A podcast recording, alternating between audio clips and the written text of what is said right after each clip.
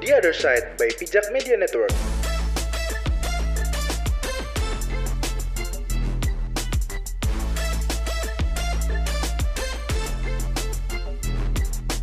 Selamat datang kembali di podcast kami Other Side by Pijak Media Network bersama gua Ali. Aku Fariski, Kita punya kita selamatin dulu nih. Sekarang kan hari pendidikan. hari buruh sekarang. Eh, iya ya. Iya. Besok hari pendidikan, Besok hari tapi pendidikan. ini keluarnya besok. Jadi selamat hari pendidikan untuk teman-teman Oh, gitu. semua Iya.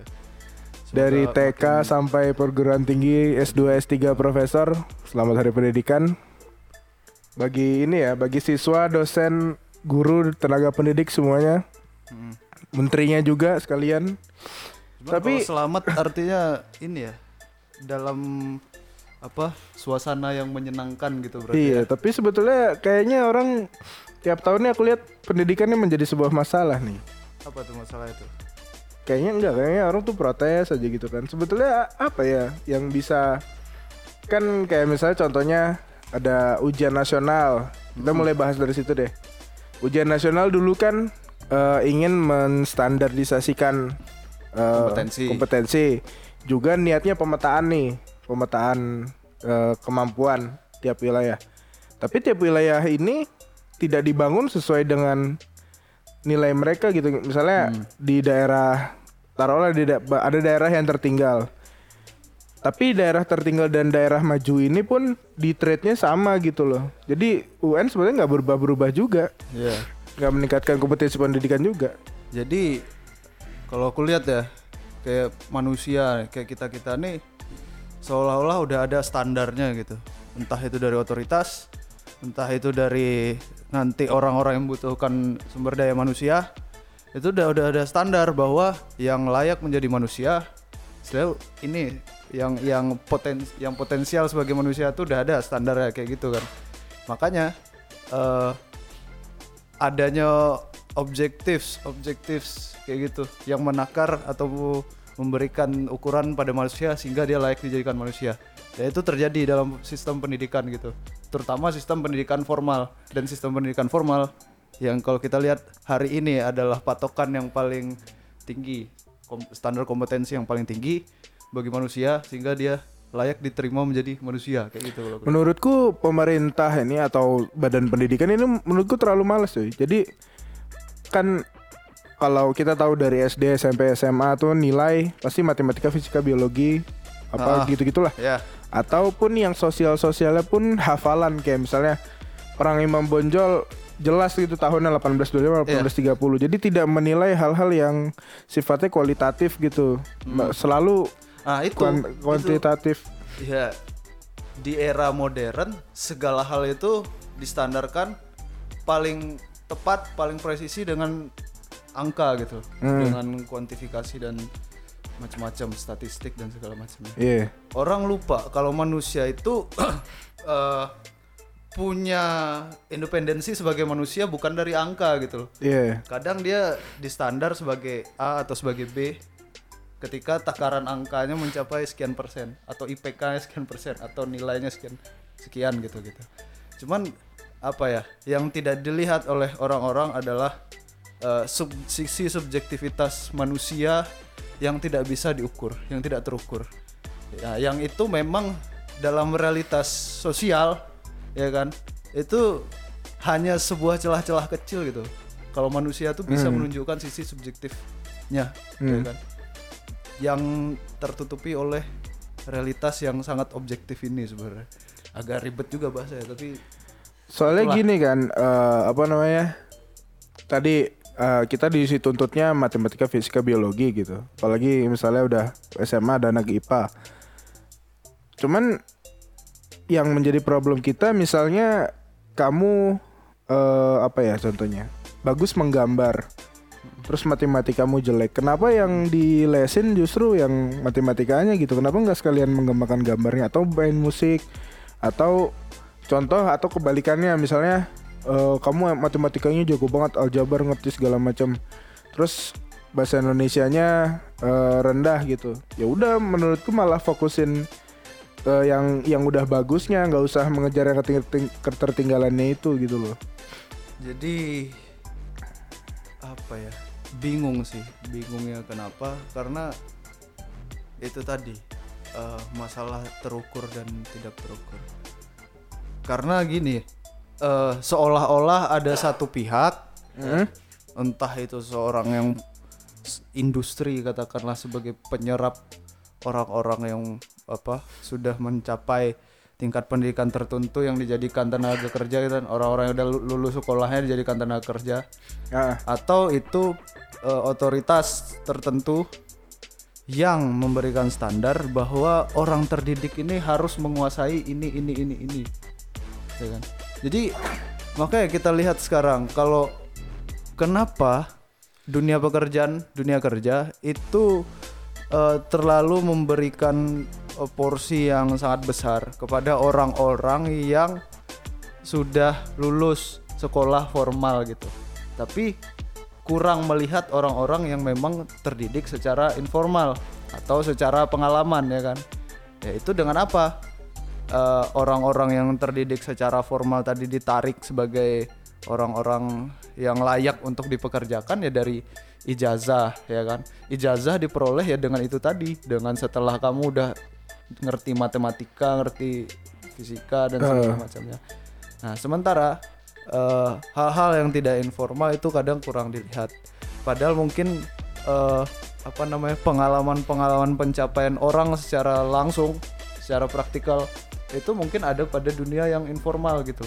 Entah itu misalkan menjahit ya kan? Iya. atau sol sepatu. Ah. atau apa kayak benerin apa kayak gitu. Nah orang melihat malah hal-hal yang seperti itu keterampilan-keterampilan seperti itu eh, sebagai hal-hal yang tidak memiliki reputasi atau tidak memiliki apa ya?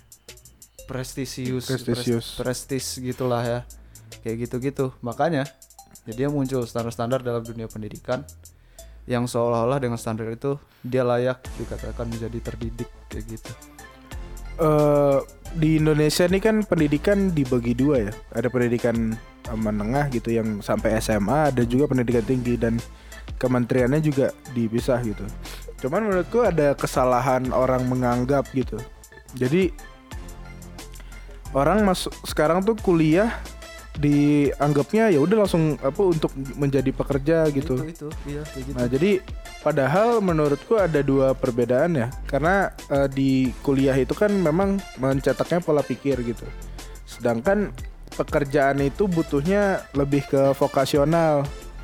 Kalau misalnya kita masih untung usaha teknik sipil, ya kerja bisa minimal orang beranggapan ke kontraktor gitu. Tapi kalau untuk yang lain kan kadang-kadang kamu lulus mau kerja apa sih gitu kan? Padahal menurutku gak ke situ. Bukan kenapa kuliah ini jadi harus kerja ini gitu loh. Buktinya banyak kok. Misalnya di kan kalau misalnya suatu perusahaan pun akhirnya dia membutuhkan multi eh, multisektoral gitu loh. Nggak butuh hanya kayak Multidisiplin. multidisiplin gitu. Kayak misalnya kontraktor yang nggak butuh ini doang nggak butuh teknik sipil doang. Dia juga butuh psikologi hukum. Iya. atau misalnya sekedar eh, akuntansi gitu. Jadi banyak gitu. Nah berarti kan nggak bisa juga kita mikirnya ya udah kerja ini nanti kerjanya apa sih? Jadi harusnya sih cetaknya pola pikir sih gitu. Nah, jadi kan kenapa itu bisa terjadi? Karena orang sudah apa realitas sudah menggeser makna pendidikan itu buat apa ya kan? Sekarang katakanlah di rumahmu mak bapakmu mak bapakmu nanya gitu kan. Kau besok mau kuliah apa? Ya kuliah. Misalkan kuliah sastra kuliah filsafat. Ntar ditanya ntar mau dapat duit dari mana? Atau mau kerja apa? Ntar gimana caranya kau kaya kalau kayak gitu? Gitu kan. Iya. jadi seolah-olah makna dari pendidikan ini hilirnya adalah pekerjaan gitu loh. Iya. sementara kita lupa perjuangan-perjuangan sejarah bangsa kita ini ya kan eh, memajukan pendidikan supaya apa? Supaya manusia bisa lebih bermartabat gitu. Supaya manusia bisa lebih dianggap menjadi manusia. Dan supaya manusia juga bisa mengangkat harkat dan derajat manusia lainnya gitu. Buktinya teman-teman kita yang udah kerja pun di mereka bilang disekolahin lagi kan. Iya. maksudnya ada training ya makanya itu kan ada namanya on job training itu masih dilatih lagi. Atau misalnya eh, mungkin jurusan lain juga harus dilatih lagi. Hukum itu kalau masuk pengacara dia ada banyak jenjangnya ada ada sekolah advokasi ya apa, advokat. Advokat, advokasi. Terus setelah masuk juga dia ada berjenjang lagi jadi junior gitu. Jadi sebetulnya untuk eh, pekerjaan eh, lebih apa nanti ada kekhususan sendiri gitu. Karena ya perusahaan pun kejuruan lah ah, perusahaannya pun punya istilahnya punya metode sendiri gitu loh. Nah menurutku kuliah tadi urusannya keilmuan dan kenapa kita belajar sebanyak itu materi padahal di kerja di nggak dipakai karena memang eh, urusannya ke ilmu gitu kan. iya Kalau kamu kan S2 kepake lah ilmu hidro semester satunya kan. Jadi kayak gitu. maka itu kemarin habis lulus tak pikir-pikir kan kerja aku kan pernah KP ya Hmm. KP di kontraktor gitu nah mengalami mengalami lah itu iklim-iklim pekerjaan itu seperti apa seperti apa. Dan tentu dengan membandingkan juga bagaimana iklim di dunia pendidikan itu seperti apa. Ternyata apa yang aku dapat di perkuliahan jauh sangat tidak relevan dengan mungkin misalkan objek yang kita hadapi itu sama. Katakanlah Iya, dalam iya, iya. dunia teknik sipil itu beton apa segala macam ya. Di kontraktor ya juga kita ngerjain itu kan membangun beton apa segala macam. Cuman pada prakteknya nggak ada relevan gitu. Eh, sangat-sangat tidak relevan sekali antara apa yang kita dapat secara keilmuan dengan eh, prakteknya dalam dunia kerja. Cuman yang aku heran itu tadi kenapa tuh lu? Ya kan? Kenapa oh, diterima yang diterima dalam pekerjaan tuh ya ya orang-orang yang udah lulus dari pendidikan formal formal yang diprioritaskan gitu. Padahal masih itu tadi kan kayak kau bilang harus sekolah dulu lagi kayak gitu kan Terus ini aku melihat eh, waktu waktu SMA gitu. Orang tua tuh kan pasti pengennya kita ini kan ke SMA yang unggulan gitu kan. Nah dulu tuh di Jakarta namanya eh, dulu mungkin di, di, di daerahmu juga ada ya, RSBI itu. Ya kan? Eh, dulu kan di tiap provinsi tuh ada RSBI RSBI. Di Jakarta waktu itu ada 10. Nah dulu orang tua aku bilang pokoknya kamu harus masuk ke 10 besar itu. Kalau nggak SMA 8 Waktu itu kan SMA paling bagus waktu itu SMA 8 Di antara RSBI itu ya? Negerinya. Ah, Negerinya. Tapi SMA 8 aku nggak tertarik sih ke banjir mulu kan. Oh dia kena banjir juga tuh? Hah? kena banjir juga ya? Bahkan ada ini coy Ada tugas musim hujan. Dulu aku pernah di share-share itu loh Tugas PR selama musim hujan gitu. Jadi karena sel- selama banjir apa musim hujan gitu. Pokoknya gitu lah tugasnya indie berarti Iya. Ay, Harus ngerjain sambil ngopi Kena banjir. Banjir. Akhirnya aku milih SMA 70 dan ternyata itu pilihan yang benar-benar salah juga sih. Tapi banyak tawurannya. Tapi yang kulihat karena ada pemikiran seperti itu, jadi memang di sekolahku tuh apa ya, walaupun memang bandel anak-anaknya cuman masih iklim-iklim kompetitif tuh loh. Dan di SMA SMA kayak 68, 28, SMA 8, 71, eh, 78 itu semua iklimnya kompetitif gitu. Sedangkan aku juga udah pernah lihat ke daerah waktu KKN apa. Memang pendidikan di daerah tuh nggak se maksudnya kalau kamu tanya kayak cita-citanya tuh eh, ya kurang tinggi gitu loh atau kayak cuman Iya. habis SMA lulus menikah gitu. Jadi menurutku PNS. keti- ket- ketidakrataan eh, pendidikannya ngaruh ke cara pola pikir masyarakatnya juga. ya aku ngeliat itu sih masalah kompetisi dalam pendidikan ya. Itu kapitalis banget coy. Iya. kompetisi itu kapitalis banget gitu loh. Kenapa kita tidak mengarah kepada yang lebih sosialis gitu kan? Padahal pendidikan tuh harus kolaborasi kerjasama Ya, saling betul. menguntungkan gitu. Enggak sih itu preferensi aja kan. Preferensi orang apa pengen sekolah yang kayak mana gitu cuman ya kalau kita lihat hampir secara keseluruhan ya dunia akademik itu kompetisi gitu loh. Kompetisi menang memenangkan dan laku-lakuan di dunia di pasar gitu loh. Dan itu kalau kita tarik sejarahnya ya itu se- ada dalam sejarah eh, negara-negara industri gitu loh. Bahwa Hmm. apa implikasi dari adanya pe- liberalisme ekonomi gitu ya pasar bebas bahwa manusia-manusia pun juga harus bersaing secara bebas gitu untuk merebut atau eh, meningkatkan hierarki sosial mereka atau hierarki kelas mereka. Iya. dan itulah mengapa pendidikan juga relevan dengan apa hal-hal semacam itu liberalisme ekonomi dan segala macam. Kita bisa lihat kayak sistem pendidikan kita ini kalau aku lihat ya ini kritik nih dari berdasarkan opiniku uh, sup- supply and demand dari sistem pendidikan itu orientasinya kepada siapa gitu.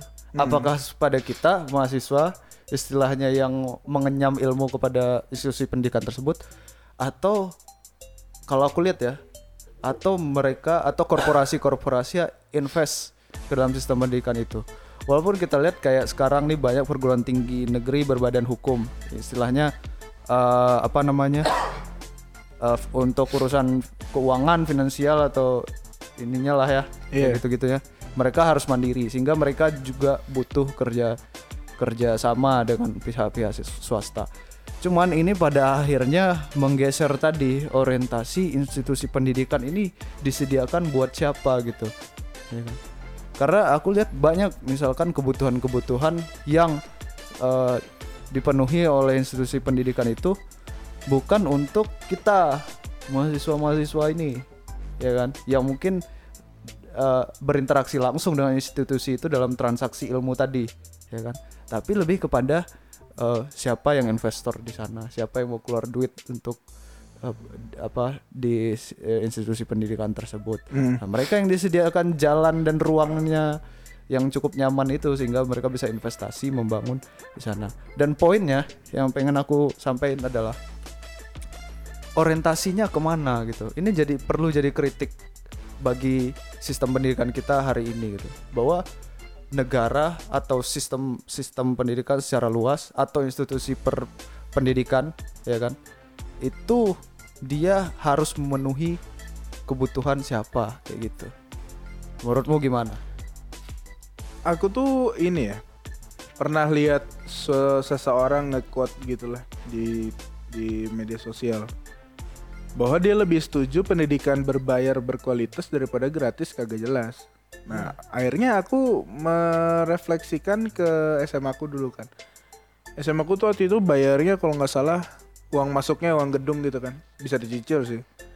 10 jutaan, hampir 11 gitu. Sebulannya 475. Cuman kamu memang hidup nyaman. Eh, ekskulnya aja dulu sinematografi. Terus dosen apa dosen guru-gurunya rajin terus fasilitas ekskul event gampang eh, terus sering pergi pesantren kilatnya enak.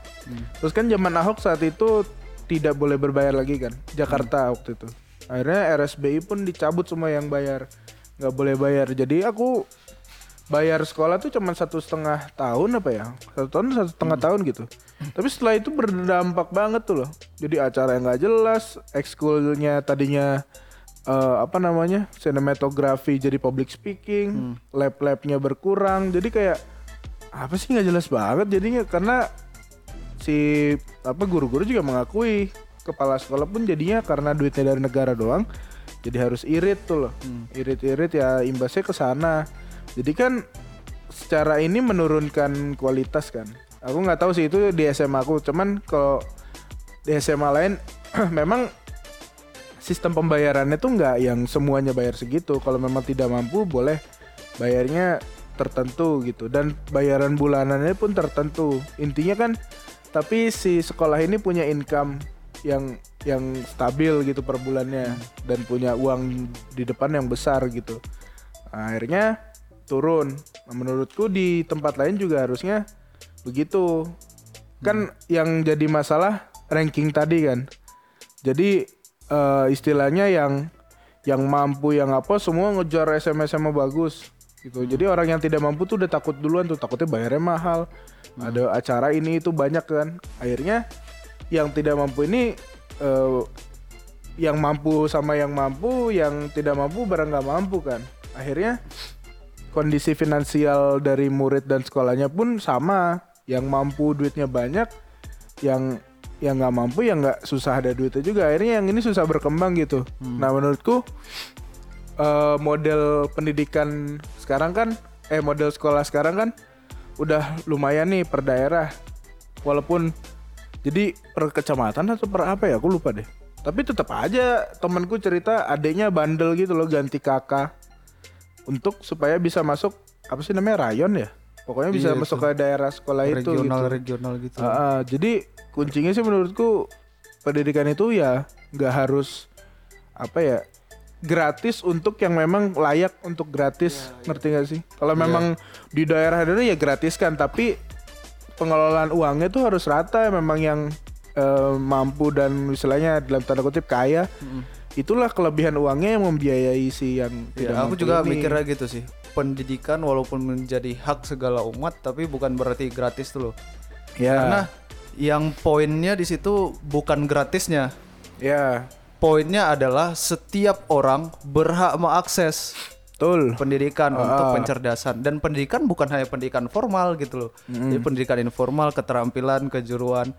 Nah, yang untuk untuk apa memfasilitasi atau mengakomodasi hak-hak mereka itu maka harus disediakan akses-akses ke sana dan itu tidak hanya dengan menggratiskan gitu loh. Gratis Ya. itu mungkin ah, hanya satu satu inilah ya, satu bagian dari ini juga mungkin. Atau gini, jadi pada dasarnya sekolah bayar, tapi kartu-kartu Indonesia Pintar itulah yang membuat Ya. itu bayar sekolahnya gitu misalnya. Atau atau masalah juga nih, kita juga melanggar hak-hak pendidikan masyarakat juga misalkan sekolah itu gratis, tapi ternyata di daerah-daerah tidak ada sekolah.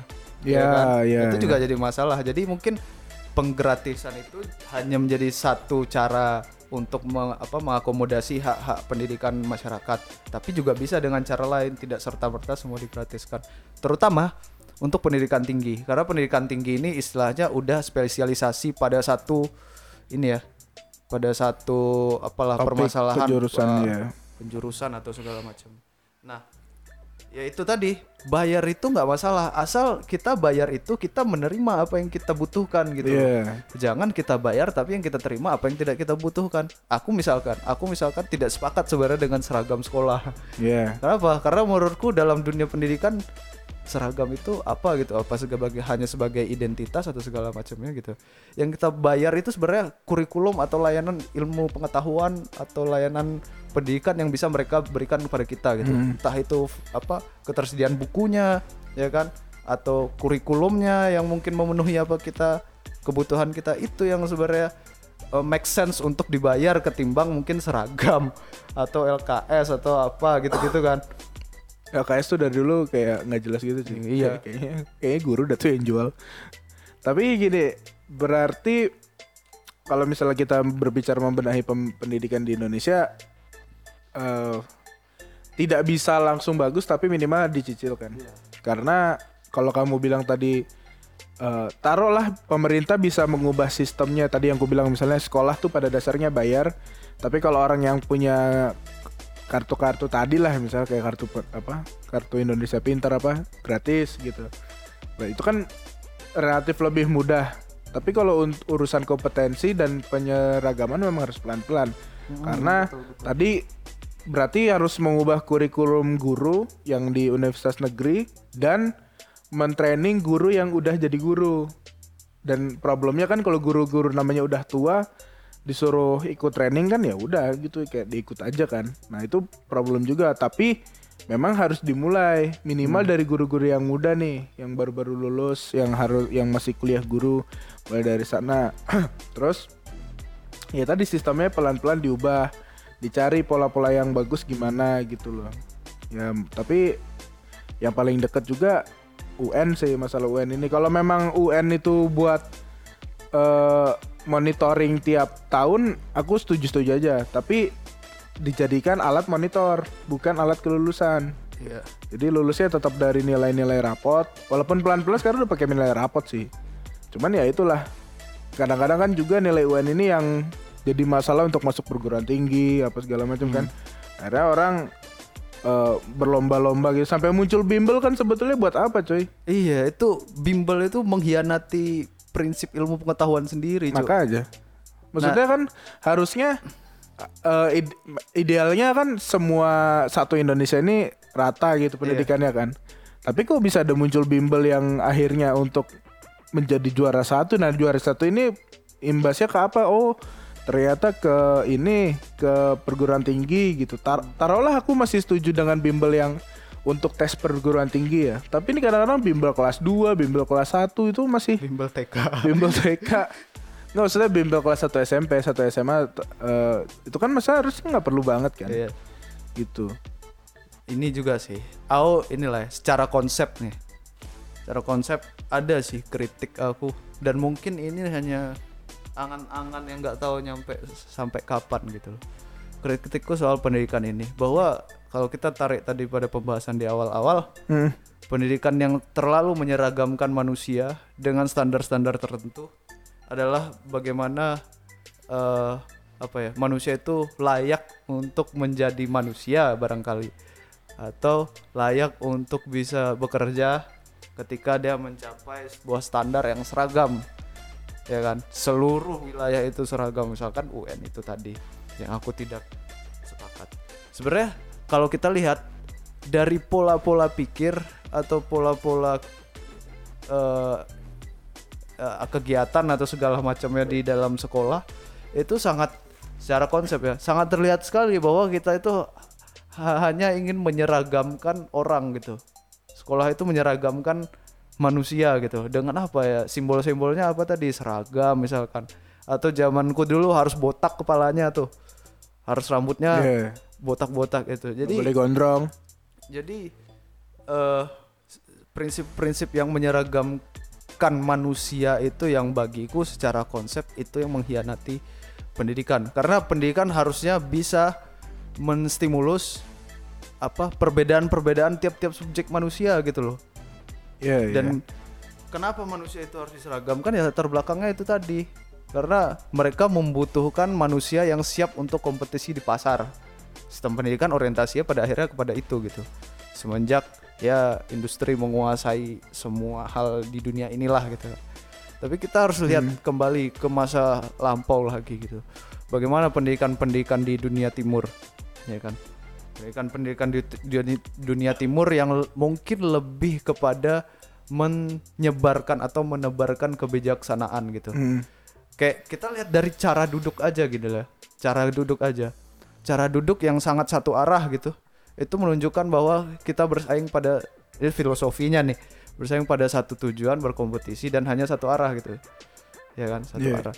Sebenarnya tadi kita kalau lihat di bagaimana eh, cara duduk orang-orang timur dulu, ya kan?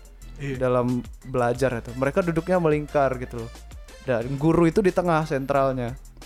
Bukan di depan yang yang apa kita terlihat tunduk pada ininya gitu tapi di tengah-tengah. Dan guru lah yang menebarkan eh, kebajikan-kebajikan kebijaksanaan-kebijaksanaan yang nanti diterima eh, oleh murid-muridnya. Dan itu mungkin ada dalam ajaran agama-agama yang lekat dengan kultur atau adat tertentu misalkan Buddha gitu ya. Nah Buddha itu banyak aliran dan segala macam segala macamnya dan mereka tidak mempermasalahkan soal itu. Karena mereka mungkin bagi apa bagi aku menurutku mereka eh, identik atau lekat dengan cara pendidikan timur itu yaitu pendidikan yang mana pendidikan yang itu tadi yang bisa mengakomodasi eh, kelebihan-kelebihan masing-masing orang yang tidak lantas seragam tuh loh Iya. nah yang itu yang penting sih kalau menurutku sistem pendidikan. Dan menurutku gini juga, pemerintah tuh wajib memastikan tiap orang mendapatkan pendidikan.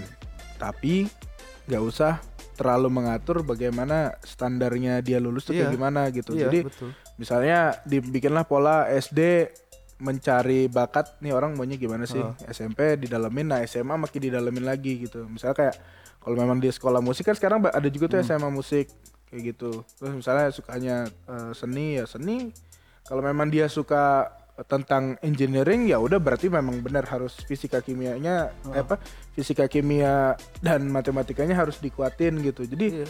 memang harus ke sana dan di- jangan lupa juga eh, di pendidikan sekarang mau pendidikan tinggi mau pendidikan apalagi pendidikan dasar ya itu eh, adab dan bersosialnya tuh harus benar-benar tingkatin gitu loh dan Betul. pola pikir pola pikir yang membuat istilah pola pola pikir pola pikir yang tertinggal lah yang bisa bikin dia menghambat perku- pertumbuhannya gitu. Eh, pertumbuhan berpikirnya itu jangan sampai ada di sekolah jadi harus dilatih untuk berpikir kayak Misalnya kayak eh, diajarkan cara beropini, diajarkan cara critical thinking, Nah, skeptis iya, benar, segala benar, macam gitu loh.